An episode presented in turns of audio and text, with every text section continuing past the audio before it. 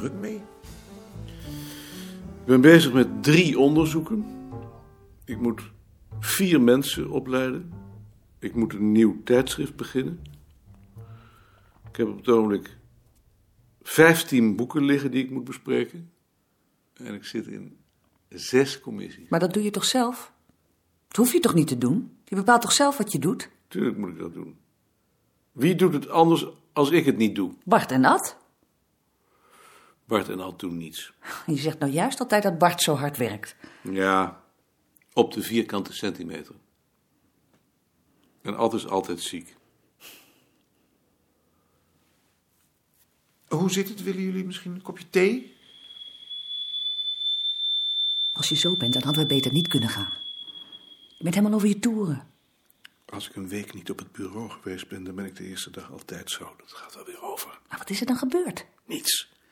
Het is gewoon dat ik dan al die mensen weer moet zien en dat ze allemaal met hun problemen komen in plaats van dat ze die zelf hebben opgelost of met Bart hebben besproken. Daar zul je het dan wel naar gemaakt hebben. Dat zal wel, ik zou alleen niet weten hoe.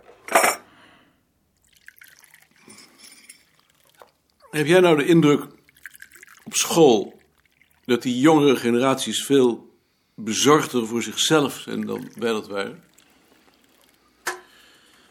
Ze zijn wel gemakzuchtiger geworden. Willen jullie vast een koekje? Je krijgt ze moeilijk meer aan het werk. In de les hebben ze nog wel belangstelling, maar ja, ze willen er niks meer voor doen. En hoe komt dat? Ik denk omdat ze te veel afleiding hebben. Maar zijn ze ook bezorgder voor zichzelf? Ja, nou, dat weet ik niet. Daar heb ik nooit zoveel van gemerkt. Ik heb de indruk dat het begonnen is met de generatie die na ons kwam. Omdat Ad nou toevallig zo is, zeker. Van die meisjes zeg je altijd dat ze nooit ziek zijn. Met vrouwen is dat anders. Die zijn harder. Nou, ik hou daar niet van hoor, van dat gegeneraliseer. Ik vind het helemaal idioot om mensen kwalijk te nemen dat ze geen zin hebben om hard te werken. Als jij nou zo bent, is al erg genoeg. Willen jullie nog een koekje? Maar vertel eens, hoe gaat het nou eigenlijk met jullie? Goed. We zijn vorige week in Friesland geweest. Op veldwerk. Is dat dan niet wat? Dat is wel aardig. In ieder geval zijn dat wel aardige mensen. In ehm Beetgummermolen bijvoorbeeld. Twee oude mensen van 86. Die man was molenaar geweest. Dan kwamen we tegen het eind van de middag aan. In een regenbui. Is koning daar. Die man, kwam de trappellen afrollen. Zo'n haast had hij ons te begroeten. En toen we twee uur later weer weggingen, wisten ze van hartelijkheid niet wat ze ons moesten meegeven. Boterhammen? Nee, want we gaan naar Dokkum. Worst? Ook niet. Een sigaar dan? Nee. Wat tabak dan? Oh, de klonje? Maar Nicodien bleek niet eens een zakdoek bezig te hebben. Wilde ik. Wilde ik me dan niet scheren? Had hij een elektrisch scheerapparaat? Ook al niet. Als je dan weggaat, dan heb je wel barstende hoofdpijn. En wat spreek je dan met zo'n man? Die man sprak een onverstaanbaar Fries. Ook omdat hij pit in zijn mot had. Maar dat deed hem niet toe, want hij was stokdoof, dus hij verstond mij ook niet. Hij had wel een gehoorapparaat dat hij nog onderuit de kast gehaald, maar hij was te onbeheerst om het mechaniek te Het gaf een hoge fluittoon of het deed niets, dus we hebben een beetje tegen elkaar staan te schreeuwen. Maar hoe hou je dat dan twee uur lang vol? Ja, dat is de kunst. Daar moet je een begenadigd interviewer voor zijn. Je hebt toch voornamelijk met die vrouw gepraat? Ja. Ik heb met die vrouw gepraat, ja. Over broodbakken.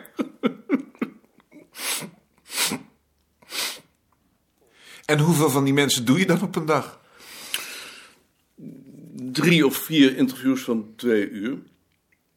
En dan moet je natuurlijk van de een naar de ander fietsen, dus je bent wel bezig. Dat lijkt me toch wel aardig. Maar ja, achteraf.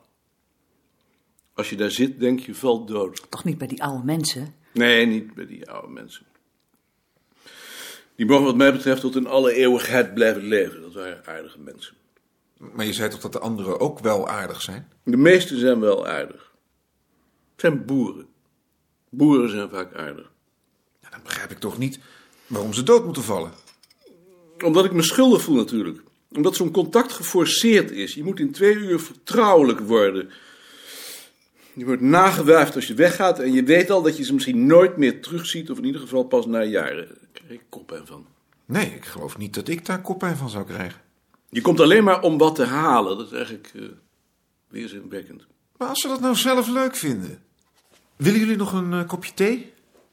Of wil je misschien iets anders? Ik wil nog wel een kopje thee. Ik ook wel.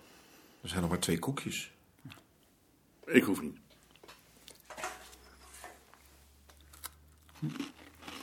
Laat ik erom denken dat ik morgen nieuwe koop. Hoe gaat het nou eigenlijk met Beerta? Iets beter. Hij heeft een plankje gekregen met plastic letters. En daarmee kan hij zinnen maken. En hij stoot wat klanken uit. En begrijp je dat dan? Soms. Als je het niet begrijpt, wordt hij enorm driftig. De laatste keer heeft hij me een klap gegeven toen ik hem niet begreep. Wat heb je toen gedaan?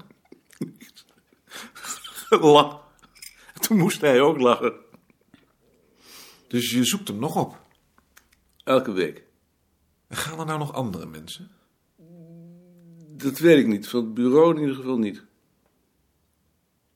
Alleen Wigbold heeft een keer zijn haar geknipt. Die is vroeger zijn kapper geweest.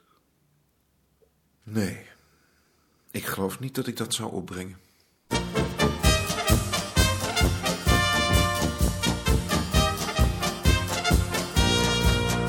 Natuurlijk zijn we in de jaren onze eigen weg gegaan.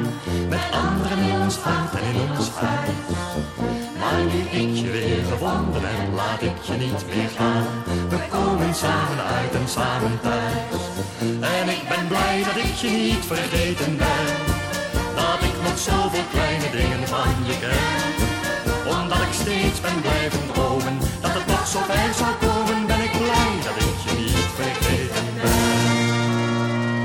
Anton. Hoe gaat het?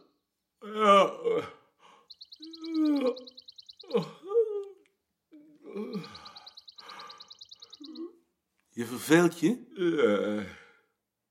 Je verveelt je niet.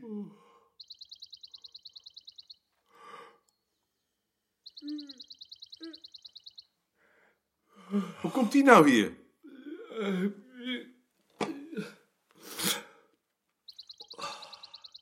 Moet dat nou met die spreeuw? Wat?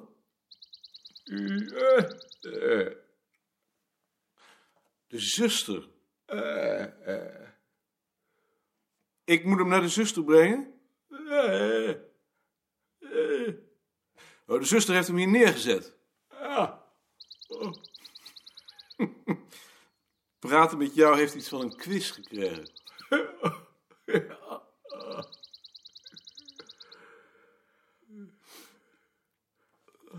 Heb je nog een boodschap opgeschreven?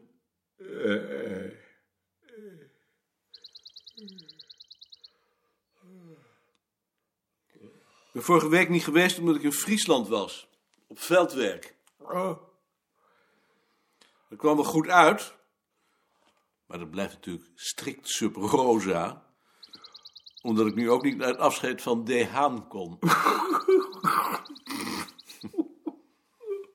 De rode volgt daarop. Huub Pastoors heeft volgens Balk niet genoeg poids. Heeft hij mij een keer gezegd, tenminste.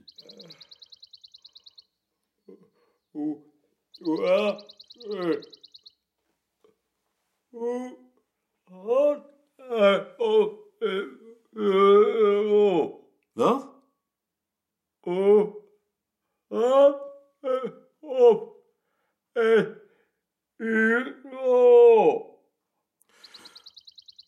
Oh, hoe gaat het op het bureau? Op het bureau gaat het goed. We zijn gisteren bij Klaas de Ruiter geweest. Je moet de groeten hebben.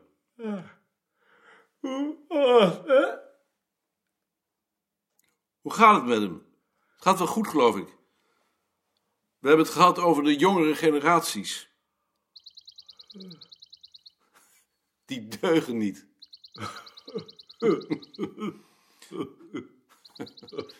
Dat is te zeggen, Klaas vindt dat ze wel deugen, maar dat ze alleen verpest worden door de televisie. Ja. Televisie is de pest. Een uitvinding van de duivel.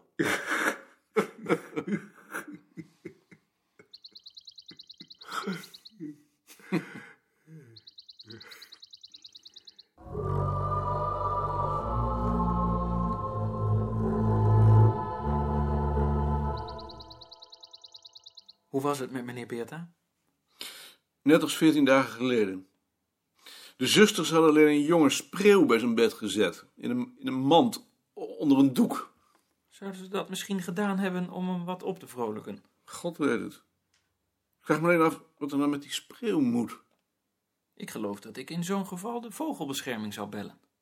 De vogelbescherming. Die zullen wel zeggen dat je hem elk kwartier een halve worm of een stukje rotte appel moet geven. Dat weet ik niet. Het lijkt me in ieder geval de meest bevoegde instantie voor dit soort problemen. En hoe kom ik aan het nummer van de vogelbescherming? Dat zal toch wel in het telefoonboek staan?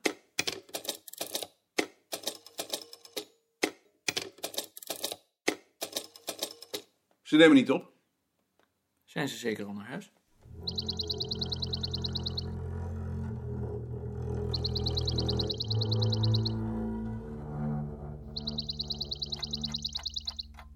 Slaap je niet? Nee, Wat is er dan? ik denk aan die spreeuw. Denk dan maar niet meer aan die spreeuw. Je kunt er nou toch niets aan doen. Nee. Ik vind het wel lief hoor. Ja, maar daar heeft die spreeuw niks aan. Probeer dan maar te gaan slapen. Ik zal het proberen. Maar het lukte hem niet. Hij kende zichzelf en wist dat hij de beslissing net zo lang zou uitstellen tot die spreeuw dood was. Als hij dat al niet was, want hij had als jongen genoeg jonge spreeuwen gehad om te weten dat een paar uur zonder voedsel al fataal konden zijn. Waarom had hij dan niet ingegrepen? Omdat hij had opgezien tegen het contact met die zusters. Dat was nog tot daar aan toe. Maar dat die spreeuw daar in dit geval de dupe van was, verweet hij zichzelf. Al wist hij tegelijk dat dat niets aan zijn gedrag zou veranderen. Niet iets om trots op te zijn. Die zekerheid hield hem uit de slaap tot de wekker afliep.